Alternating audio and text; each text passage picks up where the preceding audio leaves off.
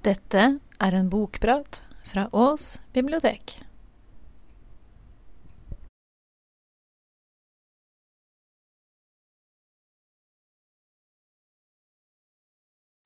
I dag har jeg funnet frem en eh, bok som er fysisk preget av at den allerede er lest av ganske mange her i Ås, men jeg meg, har tatt den med meg allikevel. Det er Torgny Lindgrens eh, 'Hakkepølsa'. Den kom i 2003. Den er oversatt av Per Kvale.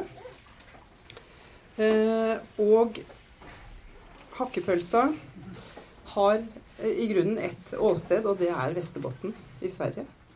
Det er der handlingen eh, foregår. Det er ikke verken Lindgrens første eller siste bok.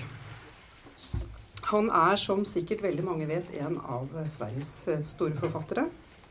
Og er i likhet med Per Olov Enquist og Sara Lidman da nettopp fra Vesterbotn, hvor handlingen eh, i denne boka er. Han er dessuten også en av de Aderton, altså de 18, den svenske akademien. De 18 medlemmene der er valgt på livstid blant forfattere og andre kulturpersonligheter. Og i Svenske Akademien så møtes de én gang i uka i åtte av årets eh, tolv måneder. Og har til oppgave å fremme svensk språk. Arbeide for fremme av svensk språk. Så han er altså en av de. Akademien som han er medlem av, de utgir jo også det som heter Svenska Akademiens ordbok og Svenska Akademiens ordlista. Og står også for utgivelser av håndbøker over særskilte språklige og litterære emner. De deler ut stipender og flere litterære priser, bl.a. da Nobelprisen i litteratur, Bellman-priset og Doblaug-priset. Torgny Lindgren han er født et sted som heter Raggsjø i 1938, og vokste opp i et miljø med en stor og blomstrende fortellertradisjon. Muntlig fortellertradisjon. Og hans måte å fortelle på er preget av både bibelsk språk og bibelsk moral. Og hans første utgivelse var, som for mange andre forfattere, i poesiform. Men det var med den romanen som heter på norsk heter Orms veg på berget, at han i 1982 fikk gjennombruddet som forfatter. Og til norsk så finnes det en lang rekke med oversettelser av hans romaner og noveller, selv om ikke alt han har skrevet, er oversatt til norsk. Den siste som er oversatt til norsk, det er Norrlands Akvavit, som kom i 2009, som kanskje mange kjenner. Han er oversatt til over 30 språk, og har bl.a. mottatt både Augustprisen og Selma Lagerlöfs litteraturpris. Og på spørsmålet om hvorfor det kommer så mange store diktere fra Vesterbotn, så skal han ha svart følgende. Før trodde jeg at det berodde på den muntlige fortellertradisjonen. Numera svarer jeg at det beror på innavlen. Og kanskje har de øde og jeg hadde nesten sagt gudsforlatte forlatte traktene gjort at forfattergjerningen hans har handlet om å skrive mennesker til dette landskapet. Som tolvåring fikk Torgny besøk av to menn som guttungen ga et stykke hakkepølse. Og 60 år senere så lar han en olding skrive historien om de to mennene. De to er en tysk tekstilhandler og en tuberkuloseimmun lærer. Og først i navnet på boka, da, som er en hakkepølse. da. En hakkepølse den er laget av innvoller og kjøtt som er kokt med krydder og stappet inn i et pølseskinn. Den kan spises kald, den kan spises eh, skåret i skiver som pålegg, eller den kan varmes opp. Og da får den en konsistens som nærmest kan beskrives som smørje. Og det virker egentlig ikke kanskje så veldig, veldig lekkert. Men for disse to ungkarene, den tuberkuloseimmune læreren Lars Høgstrøm og den tyske tekstilhandleren Robert Maser. Med dunkel fortid så er hakkepølsa en delikatesse. Og på 40-tallet, 1940-tallet, så reiser de rundt på en motorsykkel av merket Diamant i Vesterbotn på jakt etter den ultimate hakkepølsa. Og den finner de. Riktignok må de innom noen fæle varianter. Og da skal vi få høre om det. I Morken fikk de smake villhakkepølse. Mange hadde snakket om den. Ingen hadde visst hvordan den ble lagd. Om bare mormor hadde levd, sa alle. Eller farmor. Det var, en lørdag ettermiddag. Folk i Morken sto ute på tunet mellom inngangstrappen og bryggerhuset. Og de ventet på dem. Eller rettere sagt, det så ut som om de ventet på dem. Kanskje sto de alltid sånn på en lørdag ettermiddag? Jo, de hadde hørt at prøvesmakerne var på vei. De var forberedt. Det vanlige var jo at de lagde denne hakkepølsa om vinteren. Det var en vinterhakkepølse. Man skulle ikke forakte årstidene og deres vandring over jorden. Det var ingen tilfeldighet at dyrepelsene var brukbare nettopp de fire vintrene, og fugleeggene nettopp om sommeren. Men nå hadde de altså fått høre at det var spørsmål etter hakkepølse, som vel egentlig hørte høsten og vinteren til. Derfor hadde de lagd en vinterhakkepølse midt på sommeren. Den sto inne på kjøkkenet og ventet på dem. Den hadde ligget i jordkjelleren og stivnet, såpass som villhakkepølse nå kan stivne. Den kunne jo alltids skjæres i pene skiver, sånn som svinehakkepølse og andre tammehakkepølser. Ville herrene vite oppskriften før de smakte? Ja takk, sa Lars Høgstrøm og tok fram notatblokken fra innerlommen. Man skyter 15 ekorn og flår dem og tar ut innvollene. Så en harekjerring. Man koker de hele kroppene med grovt salt. Når alt er kokt og mykt, støter man det utbenede kjøttet i morteren. Man koker sammen kraften og legger i det støtte kjøttet. Om man vil at hakkepølse skal være fast, sånn at man kan skjære den i skiver, da tar man en skvett av limet som man har kokt av kuklovene. Verre enn det er det ikke. Jo, den smakte sterkt av vilt. Den var mørkebrun i farven. Limlukten var også tydelig. Folket i morken sto helt stille og så på dem mens de spiste. Jeg har skutt seks av ekornene, sa en av guttene. Jeg sikter på ørene. Ja, sa Lars Høgstrøm. Det er nok riktig. Ørene. Den er usedvanlig sterk i smaken, sa Robert Maser. Viltsmaken, sa Lars Høgstrøm. Kan man ikke ta feil av. Smaken er, om det er tillatt å uttrykke det sånn, meget usivilisert. I byene finnes ikke den smaken. Neppe engang Lyksele eller Malå eller Nordsjø. Jeg vil ikke påstå, sa Robert Maser, at den minner meg om noe. Men du liker den rå smaken? spurte Lars Høgstrøm. Ja, sa Robert Maser motvillig. Smaken er fortreffelig. Og de fikk se kjøttmorteren. En uthult tømmerstokk. Støteren var av bjørk. Lars Høgstrøm målte diameteren med en tommestokk han fikk låne. 51 cm. Så talte Lars Høgstrøm til folket i Morken. Det skyldte han dem etter all deres møye. Han hadde spist sin hakkepølse, Robert Maser sto klar til avreise. Luktene fra motorsykkelen hadde spredt seg over hele tunet. Alt kan man glemme, sa han, men ikke vilthakkepølsa i morken.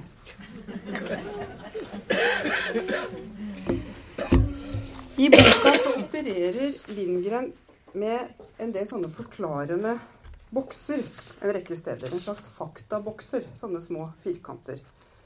Sånn som vi kan finne i faglitteratur og aviser og magasiner for hakkepølsa, den er også, som det står i en av boksene. Hakkepølse. I parentes prov. Punktum hakkepylse L hakkepølse. Parentes slutt. Matrett bestående av finfordelte kjøttråvarer, ofte innmat, kokt i sin egen kraft. Hakkemat. Annet ledd Opprinnelig bulsja av gresk balsamon, av et semittisk ord som betegner en seigtflytende blanding av harpiks og velduftende flyktige oljer. Se balsamgran. Derav balsamisk. I overført betydning trøst, nåde, helbredelse og lindring. Et eksempel på at forfatterens fantasi kan henge sammen med virkeligheten, eller definere virkeligheten selv, eller kanskje er en god blanding. Så følger vi altså to historier i romanen. Den ene roadmovien er roadmovien med de to herrene. Den lykkelige søken etter den aller beste hakkepølsa. Og Lindgren her, han ser småkårsfolk på landsbygda for en generasjon tilbake. Og det gjør han både med humor og med varme. Det fungerer helt glimrende og glitrende som underholdning, men er egentlig ikke den eneste ingrediensen her. Kanskje er betraktninger om sannhet på den ene siden, og drømmer og fantasier og biter av minner på den andre viktigst her. Og helt fra starten av så er saken satt på spissen. Da skal vi ta helt fra begynnelsen. Han sto ved skrivepulten. Det var mandag den 22. desember 1947. Snøen var allerede så dyp at det ikke kunne hende noe som helst mer i bygda. Absolutt ingenting. Ingen kunne kjøre på veiene. Melken hadde ikke nådd frem til meieriet på flere dager. Togene sto stille i Baskutresk. Han hørte nettopp værmeldingen. En kald, nordlig luftstrøm hadde kommet inn over landet og dekket det meste av Sverige. En liten til stiv nord til nordvestlig kald kuling med snøbyger strømmet nedover det indre av Norrland. Temperaturer mellom minus 30 og 40 grader var ventet i løpet av natten. Han skrev en notis. Han hadde begynt på den på lørdag. Det var en bra notis. I radioen fortalte Nanna Lund Eriksson og Hedvig Charlotta Nordenflycht. Det luktet kokt kjøtt på kjøkkenet der han sto. Alle hånde og laurbær og nellik. Notisen vokste med noen ord i minuttet. Den kunne føre svært langt. Gåtefull mannsperson er en overskrift her. Gjenstridige rykter hevder at en tilreisende som nylig er ankommet bygda, en middelaldrende mann med tyskklingende navn, ikke er den han utgir seg som. Riktignok snakker han svensk nærmest uten aksent, og riktignok synes han å ha svært lett for å tilpasse seg vårt klima og våre levevaner, men hele hans vesen bærer tross alt preg av noe fremmedartet og ustadig. Han har i all stillhet flyttet inn i et avsidesliggende våningshus utenfor Avabekk, som eies av enkefru Matilda Holmstrøm, som etter mannens bortgang flyttet til Adak-gruva for å arbeide som kokke der. Huset er i elendig forfatning, kjøkkenet og stuen skal imidlertid være beboelig. Og her blir vi litt sånn avbrutt i notisen nå, fordi at her har forfatteren laget en faktaboks til om Avabekk. Tettsted 22 km nordvest for Vormforsen i Vindelelven, ved grensen mellom Vesterbotn og Lappland. Omgivelsene består for det meste av udyrket mark. Det dyrkede areal er ca. 20 hektar hovedsakelig grøftet myrjord. Antall innbyggere 23. Severdighet. Ruinene av et uanselig anlegg ved Avabekken. Kanskje et kvernhus, kanskje noe annet. Så er, notisen, så er den um, faktaboksen ferdig, og så fortsetter notisen. Naboer som var kommet forbi på kveldstid, hadde hørt den nyinnflyttede synge. Stemmen var sterk og velklingende. Kantor Landquist, som ble tilkalt, mener å ha gjenkjent flere arier av den tyske komponisten Wagner i Den fremmedes sang. En opera av denne komponist, Götterdämmerung, er nylig fremført i radioen. Orkesteret ble dirigert av Wilhelm Fortwängler. I en av rollene medvirket den norske sangerinnen Kirsten Flagstad. Så er notisen slutt. Mens han skrev, ble snøværet lettere, og det begynte å skumre. Kjøkkenuret slo tre. Foredraget om Hedvig Charlotta Nordenflycht var over. Nå var det pause. Klokken fem skulle radioens kammerorkester spille. Han kunne uten videre la denne notisen vokse til 100 linjer. Og den fortsetter. De iherdige ryktene som i disse dager forekommer i distriktet, vil ha det til at den velklingende fremmedkaren utenfor Avabek i virkeligheten ikke er noen annen enn da han hadde kommet så langt i notisen, ble døren plutselig åpnet, og ut fra mørket ble posten slengt inn på kjøkkengulvet. Noen hadde altså tatt seg ned til teppebyggelsen gjennom snøen og hentet den posten som bussen hadde klart å levere. To av avisene fra forrige uke, julekort fra kusinen i boden og fra hans eldste søster, hun som vasket på skolen i boligen, og brevet fra sjefredaktøren. Han vasket hendene i fatet på vaskeservanten før han satte seg ved kjøkkenbordet og åpnet brevet med forskjærskniven. Ikke uten høytidelighet. Aldri før hadde sjefredaktøren skrevet til ham. Det smerter meg usigelig, leste han, å være nødt til å skrive dette brevet. Jeg ønsker at det vil smerte dem i minst like høy grad å lese det. Vår avis har alltid sett det som sin fremste oppgave å spre opplysning og sannhet. Våre nyheter og reportasjer, ja til og med våre annonser, må være i absolutt overensstemmelse med de solide realiteter. Våre lesere må kunne åpne avisen med en følelse av tillitsfullhet og trygghet. Den gode journalist er et menneske som med verdighet og strenghet og dypt alvor søker sannheten. Hans arbeidsfelt er det åpenbare og uimotsigelige. Hans fremste oppgave er, i overført betydning, å utslette seg selv til fordel for fakta og for det autentiske og beviselige. Vi har i noen tid etter varsomt påtrykk fra forbløffede og bekymrede lesere foretatt inngående undersøkelser om bakgrunnen for de notiser som de i årenes løp i altfor mange år har tilstillet oss, og som vi redelig og uforferdet har publisert. Vi har da funnet at deres notiser, enkelt uttrykt, fullstendig mangler bakgrunn. Den virkelighet som de tilsynelatende beskriver, er simpelthen innbilt, oppdiktet og ikke-eksisterende.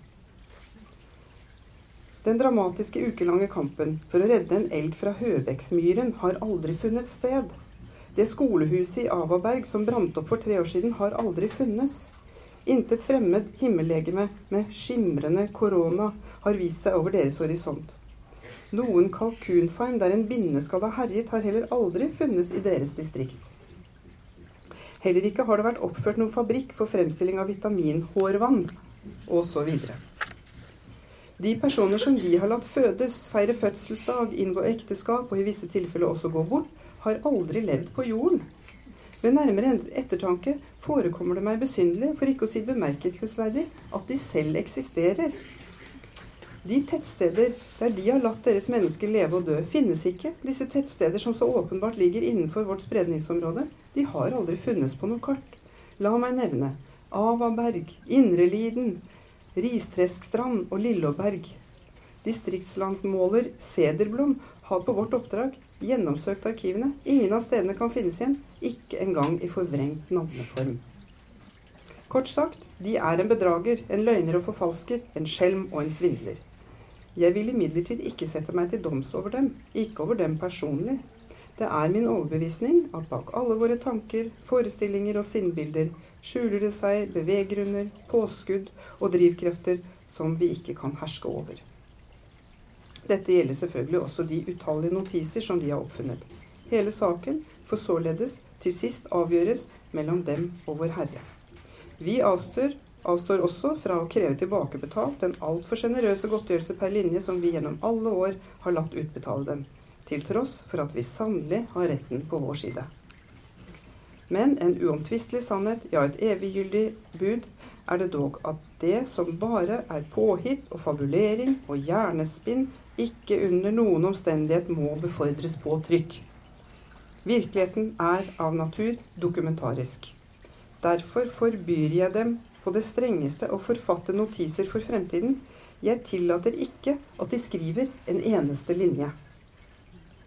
Han leste gjennom brevet to ganger. Siden satt han lenge stille med hendene foldet. Hans hustru hadde benet ut kjøttet som kokte. Nå sto hun ved oppvaskbenken og dro kjøttkvernen. Pausen i radioen var over. I dagens grammofonmusikk sang Fjodor Sjalapin La Colomnia e un venticello fra Rosinos Barbereren i Sevilla. Platemerket var dekka. Deretter spilte Wienerfilharmonikerne den langsomme andresatsen fra Schuberts C-dur-symfoni. Han var 53 år. Hva skulle han ta seg til? Til slutt reiste han seg og tok skrivepulten med notisblokk og alt. Det var Elon Persson i Lilleberg som hadde snekret den til ham, og bar den inn i spiskammerset og satte den inntil den veggfaste hyllen der de hadde hatt separatoren før. Han skulle aldri skrive noe mer. I det minste, sa han til blyanten og den skrå platen på pulten. I det minste kommer det til å drøye. Ja, det skulle sannelig drøye.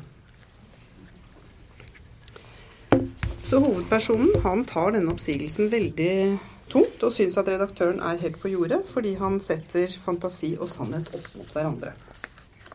Fra da av må han formulere alle sine skriverier i hodet ikke bare tilsvaret til sjefredaktøren om hvorfor en mann uten en viktig samfunnsposisjon i et lite trehus skriver annerledes enn det en sjefredaktør i et murhus ute ved kysten gjør.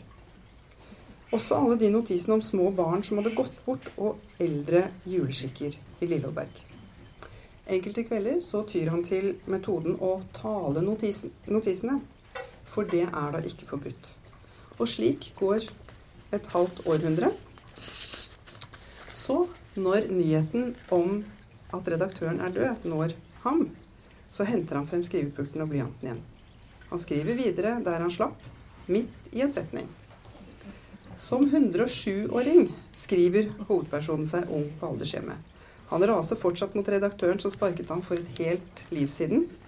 Og ved hjelp av historien om hakepølsa beviser han at fantasien er en skapende kraft, og at smaken av hakepølse kan gi meninger med livet tilbake til de som måtte ha vært i villrede. Men skriverien om hakepølsa og alle personene med den faller både bestyreren på aldershjemmet, som heter Solsiden, og rådmannen i kommunen tungt for brystet. For oldingen, han skriver, og han skriver. En var bekymret, skrev rådmannen. Ja, dypt bekymret. Det var vanskelige tider, det var tungt og slitsomt å bære ansvaret for kommunen. De tærende ble stadig flere, de nærende stadig færre. Skatteinntektene krympet, innsparinger og innskrenkninger var ikke til å unngå. En hadde selv måttet knipe på både det ene og det andre i disse nødsårene. Slik tidene var nå, måtte alle budsjettposter og institusjoner og kommuneinnbyggere så å si granskes under lupen. Hva ham angikk, brevmottakeren, hadde kommunen lenge holdt seg nøye underrettet. En visste at han skrev. Kommunen hadde ingenting imot at innbyggerne skrev. Tvert imot hadde en til og med pleid å arrangere skrivekurs. Men denne skrivingen som adressaten henga seg til, var ikke som andres. Den tok overhånd. Den så ikke ut til å ta slutt, og det var fremfor alt materialkrevende.